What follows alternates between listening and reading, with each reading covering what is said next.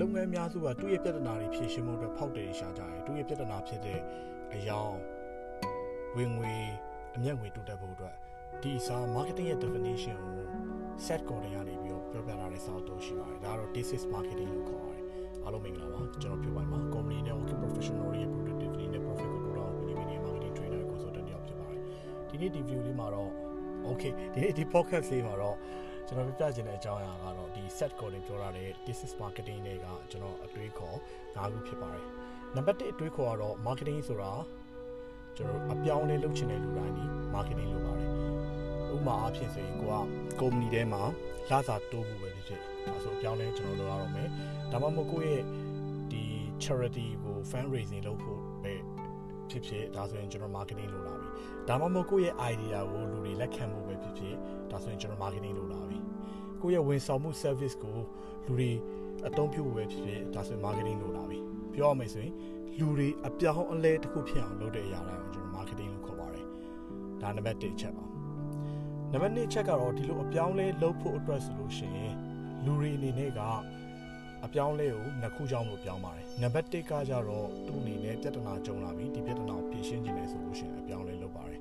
နောက်တစ်ခုကတော့လူတွေအနေနဲ့လိုချင်မှုတစ်ခုဖြစ်လာပြီ desire ဖြစ်လာပြီ want ဖြစ်လာပြီဆိုလို့ရှိရင်အပြောင်းလဲလုပ်ပါတယ်အဲ့တော့ဒီလိုပြောင်းလဲလုပ်တဲ့နေရာမှာကျွန်တော်တို့ marketing လို့ပြောလိုက်လို့ရှိရင်ကျွန်တော်တို့မှာစာနာစိတ်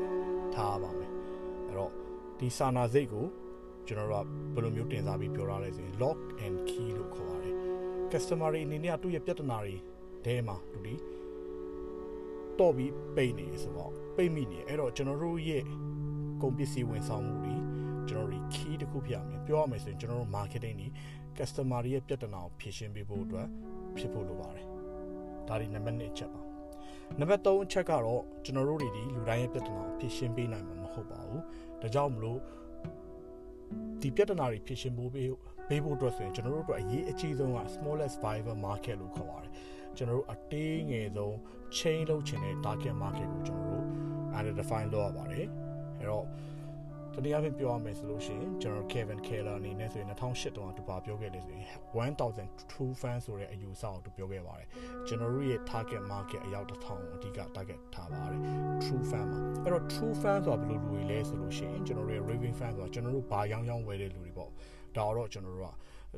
ဒီ1000 true fan လို့ခေါ်ပါတယ်အဲ့တော့ set Gordon ကတော့အပြောင်းလဲစလုပ်မယ်ဆိုရင်ဒီ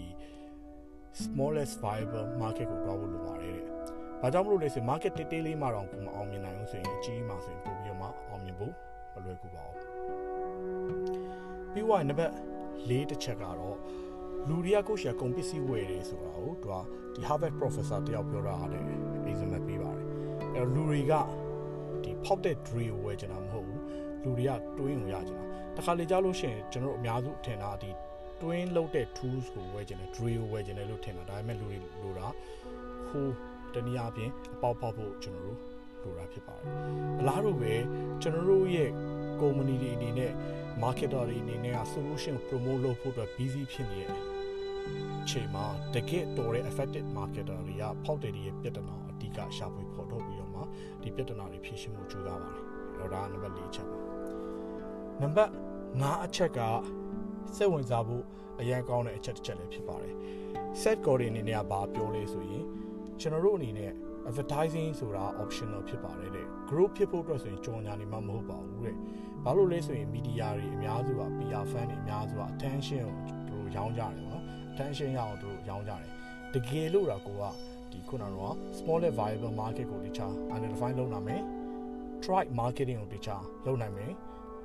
ဒီ try marketing ကိုလုပ်နိုင်ပြီဆိုလို့ရှိရင်ကျွန်တော်တို့က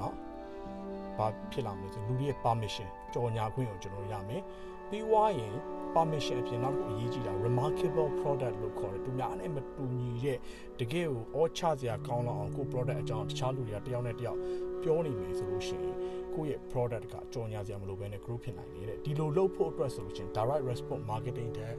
ကျွန်တော်တို့ရဲ့ brand marketing ကိုအဓိကလုပ်တင်နေလို့ set ကိုနေတာပြောရပါတယ်ဒါကတော့ဒီ set coding ရေးခဲ့တဲ့ this is marketing ဆိုတဲ့အထက်အချက်၅ချက်ဖြစ်ပါတယ်အဲ့တော့မိတ်ဆွေအနေနဲ့ဒီ၅ချက်မှာကိုယ့်ရဲ့အကြိုက်ဆုံးအချက်ချက်ကဘာများဖြစ်မလဲကျွန်တော် comment မှာရေးခဲ့ပါဦးအားလုံးကျေးဇူးတင်ပါတယ်မင်္ဂလာရှိတော်နေ့လေးဖြစ်ပါစေ